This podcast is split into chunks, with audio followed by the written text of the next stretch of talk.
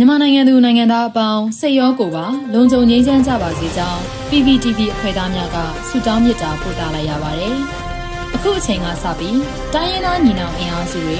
ပြည်သူ့ကာကွယ်ရေးတပ်မတော် PDF တပ်သားတွေနဲ့ပြည်သူလူထုတို့ရဲ့အရှိန်အဟုန်မြင့်လာတဲ့တိုက်ပွဲသတင်းတွေကိုစူးစီးတင်ဆက်ပေးသွားမှာဖြစ်ပါတယ်။ကျမຫນွေဦးလင်းအိမ်ပါ။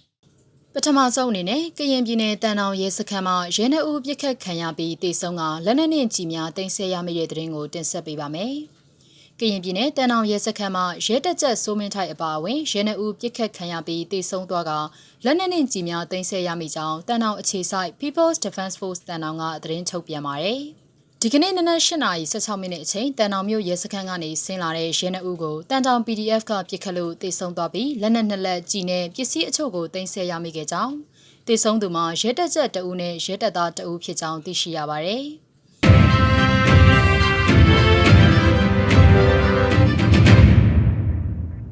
ဆက်လက်တင်ဆက်ပေးမှာကတော့စလင်းကြီးမြို့နယ်မှာစစ်ကောင်စီရိတ်ခါတင်အမြန်ရေရင်တစည်းတိုက်ခိုက်ခံရတဲ့တဲ့မှာ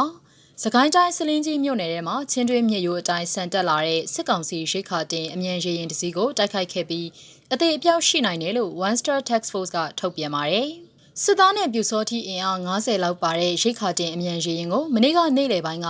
One Star Tax Force စလင်းကြီးကြီးစက်မြန်မာခြေခွေဗာရာနဲ့တခြားမဟာမိတ်တပ်ဖွဲ့တို့ကပူးပေါင်းပြီးတိုက်ခိုက်ခဲ့ကြတယ်လို့သိရပါတယ်။ တချို့တိုက်ပွဲတွေအတွက်ပူးပေါင်းတိုက်ခိုက်ရမှာလက်လုံလက်နက်ရှိတဲ့အဖွဲ့တွေမပါဝင်နိုင်ပဲစက်ယုံထုတ်လက်နက်ရှိတဲ့အဖွဲ့တွေပဲပါဝင်ကြရတာလည်းရှိတယ်လို့သူကပြောပါတယ်။မနေ့ကတိုက်ပွဲမှာတော်လန်ရေးရဲဘော်တယောက်40မမဘုံသီးအစံမှန်တန်ရာရခဲ့ပြီးမစိုးရင်ရဘူးလို့လည်းဆိုပါတယ်။